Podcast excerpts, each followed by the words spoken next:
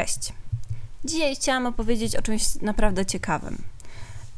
Nie, żeby poprzednie podcasty nie były ciekawe, mam nadzieję, że były, ale ten temat jest dla mnie bardzo interesujący, bo chciałam opowiedzieć o królowej Jadwidze, tudzież e, w Polsce nazywanej świętej Jadwidze Królowej. Chciałam opowiedzieć o tym jej bardzo krótkim życiu, pod takim kątem, czy ona faktycznie była świętą z własnej woli. Ja jej nie będę niczego odbierać, e, żadnych zasług dla kraju, czy raczej zasług bardziej na polu filantropii, ale czy ona faktycznie była świętą z własnej woli, to śmiałabym wątpić. Czy jej poświęcenie dla, jak to ładnie się mówiło, dla Polski, e, to było faktycznie dobrowolne, czy tak jak ja uważam, niezupełnie. Zacznijmy od takiego tła. Jadwiga już wychowuje się na dworze Leopolda III, księcia Austrii. Razem ze swoim przyszłym mężem, powierzonym od niemalże urodzenia, Wilhelmem, synem tegoż Leopolda III, dzieci się lubią, dzieci zostają sobie poślubione w 1375 roku. Panna młoda ma wtedy 4 lata, ale nie myślcie sobie niczego. Tak, to była wola rodziców tych dzieci, ale związek nie jest jeszcze pełnoprawny, dopóki nie zostanie skonsumowany. A może zostać skonsumowany, kiedy para osiągnie dojrzałość. Wówczas, jest to XIV wiek, dziewczynki uważano za dojrzałe do małżeństwa, kiedy miały lat 12, a chłopców, kiedy mieli lat 14. To są realia epoki. Nie, to nie jest coś, z czym możemy dyskutować, choć możemy oczywiście wyobrażać sobie, y, że to nie było łatwe dla tych dzieci. Niemniej Jadwiga jest wychowywana w kulturze łacińskiej i chrześcijańskiej Europy. Y, uczy się niemieckiego i wielu innych języków, by móc się porozumiewać ze swoim mężem i podobno bardzo Wilhelma, swojego przyszłego, ewentualnego małżonka, e, lubi bądź kocha, trudno powiedzieć. Niemniej kroniki są zgodne. Bardzo był Wilhelm przystojny, był prawie jej rówieśnikiem, tam różniła ich tam, nie wiem, dwa czy trzy lata różnicy między nimi były. E, Jadwiga go bardzo lubiła i nie było wątpliwości, że małżeństwo to miało szansę być całkiem szczęśliwym. Chociażby dlatego, że w odróżnieniu od wielu innych księżniczek, e, Jadwiga miała szansę wyjść za kogoś, kogo faktycznie zna, kto na dodatek jest w jej wieku i na dodatek jeszcze, co już jest w ogóle niesamowite, ona go lubi. Prawa polityki są jednak bezlitosne. Jadwiga w 1384 roku jest przewieziona do Krakowa, gdzie polscy panowie wymyślili wydać ją za starszego od niej o 23 lata księcia litewskiego Jagiełłę.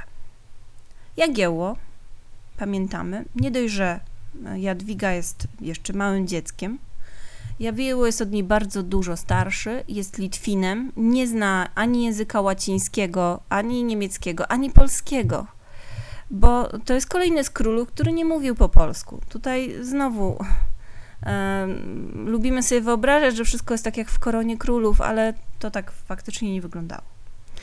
To jest, e, Jagiełło jest e,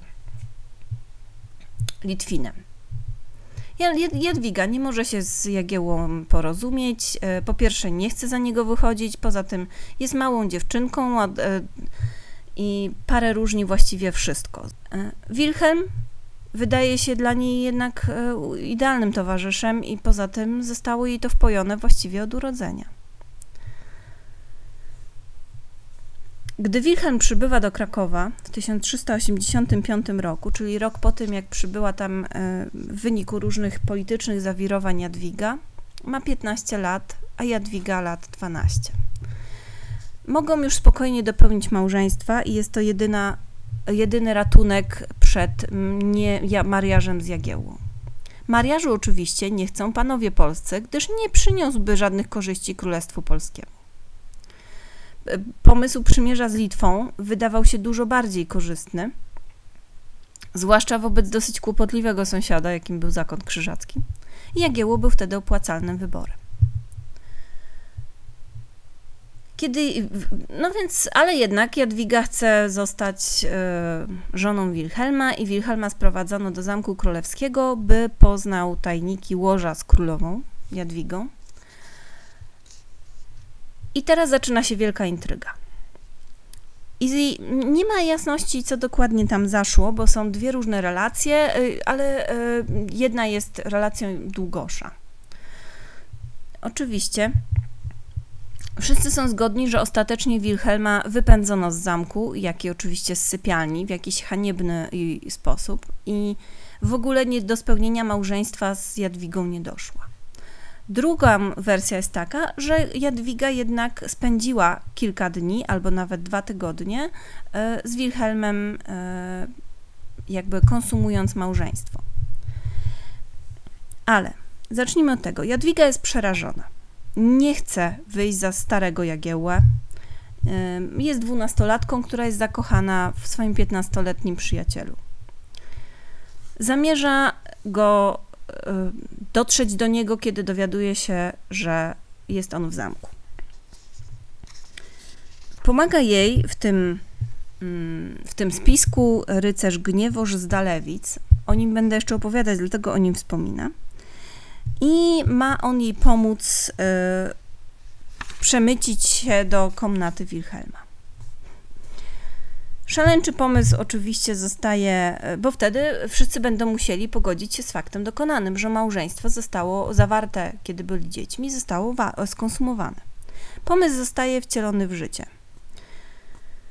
I oto nadchodzi moment i jest taki nawet obraz, ja go tu pokażę dla tych, którzy nie słuchają tego na Spotify'u, którym, e, na którym dwunastoletnia Jadwiga biegnie po krętych, takich mrocznych schodach do baszty E, tutaj iskry, sypią się iskry z łuczywa na jej twarz ją, a, i stoi ona przed drzwiami w akcie rozpaczy, chwyta za topór wyrwany halabardnikowi yy, i próbuje przedrzeć się przez dębowe belki zapory. Jest to jednak próżny trud, to jest dwunastolatka, drzwi są zaryglowane, nie wiadomo, czy za, po drugiej stronie Wilhelm nadal jest, czy już go wy, wypędzono.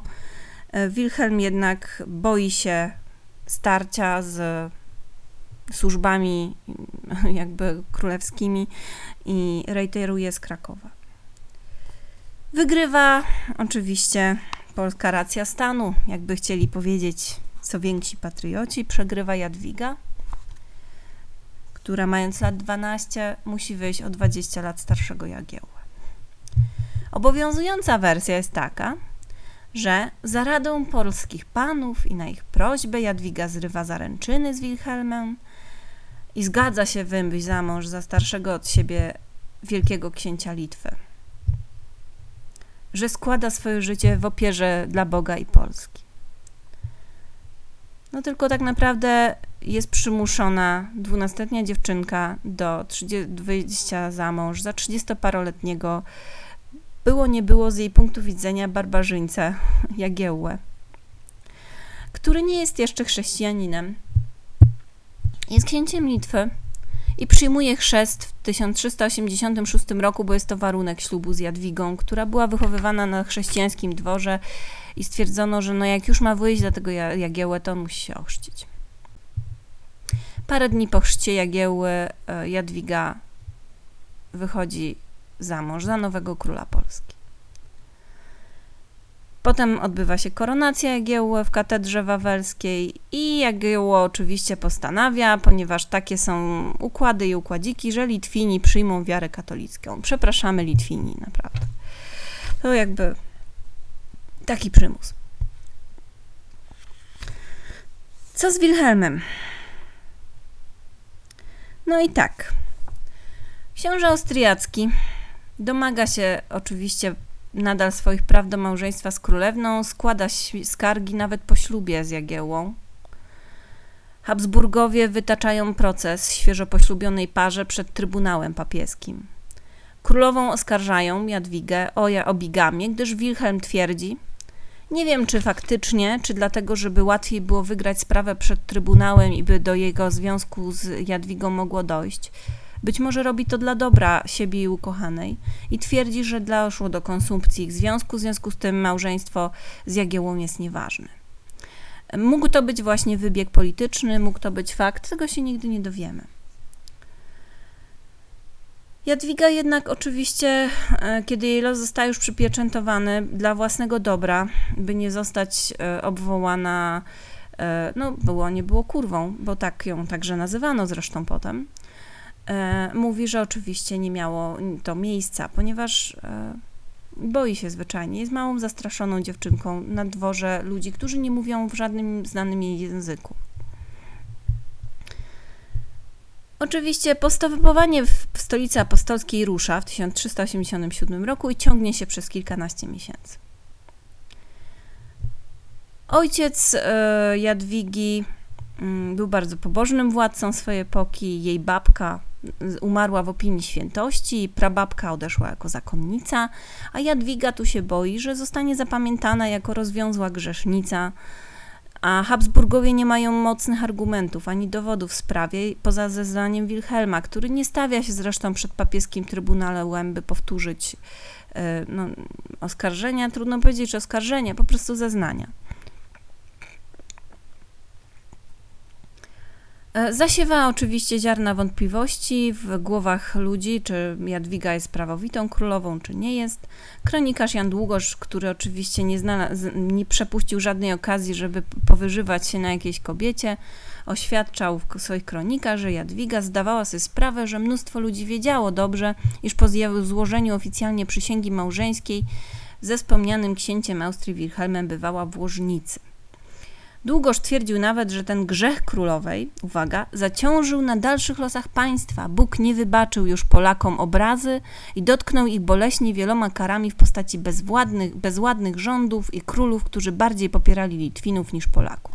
Pamiętajmy, winą za wszelkie zło nie jest to, że na przykład różni kolejni królowie miewali po kilka jednocześnie żon, albo wypędzali je, albo gwałcili kobiety, Winą za wszystko można obciążyć fakt, że Jadwiga być może poszła do łóżka ze swoim oficjalnie notabene poślubionym w dzieciństwie małżonkiem.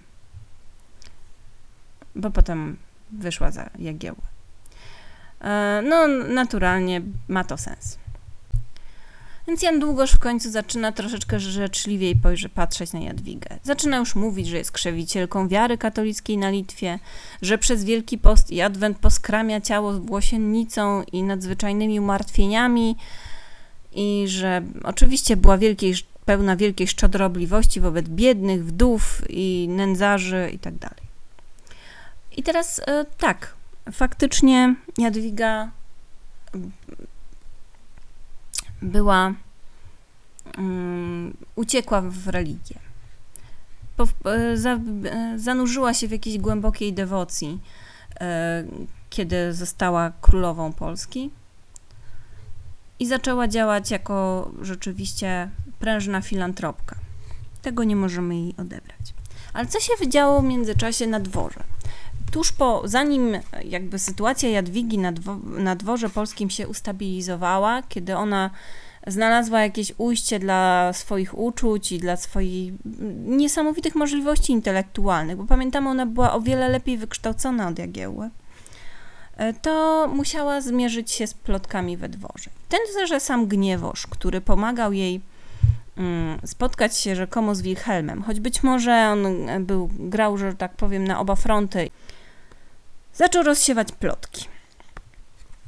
Gniewoż stał się, ponieważ Jadwiga wierzyła, że ten rycerz jej pomagał e, w zdobyciu z powrotem swego ukochanego, to znalazła w nim swojego powiernika w swoich pierwszych, pamiętamy, dwunastoletnia dziewczynka, w swoich pierwszych e, chwilach na polskim dworze, bo no, mogła się po prostu z Gniewoszem porozumieć.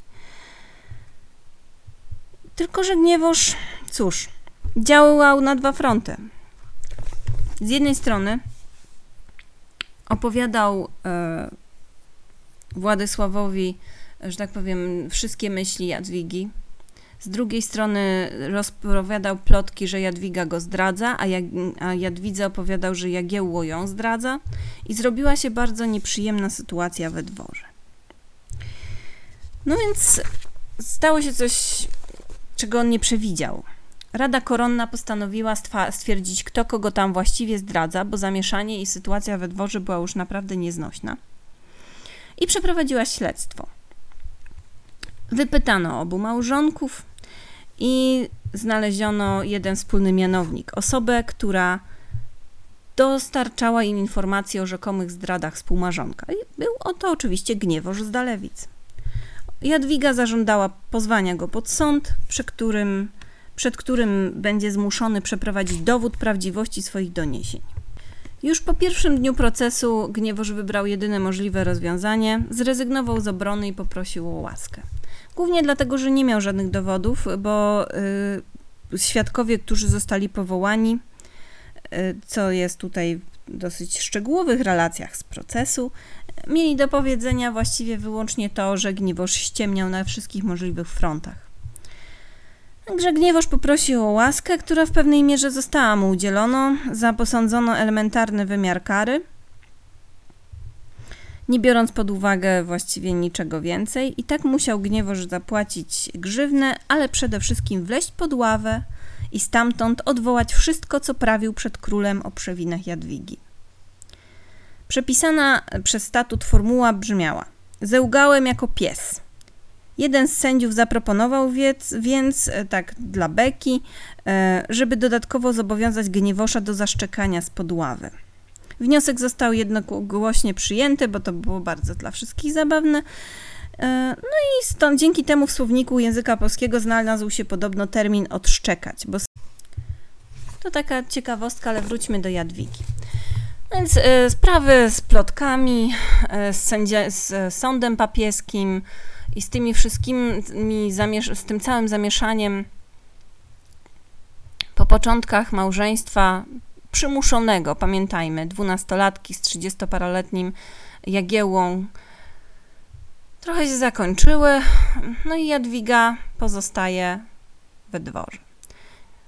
O jej oczywiście działalności i o jej darach dla różnych y, instytucji to wszystko wiemy, możemy przeczytać podręcznika, ja się na tym nie będę już skupiać. Chciałam jeszcze powiedzieć tylko na koniec parę słów o Jadwidze. Jan Długosz opisywał jej wygląd. Y, podobno miała być wyjątkowej urody. Nazwał ją w pewnym momencie nawet najpiękniejszą niewiastą na świecie i była bardzo wysoka. Miała drobną, owalną twarz i piękne, podobno zdrowe zęby, piękne, gęste włosy o rudawym zabarwieniu, ale jej miednica była nienaturalnie zwężona. Być może to sprawiło, że przez 13 lat małżeństwa z Jagiełłą nie wydała na świat dziecka.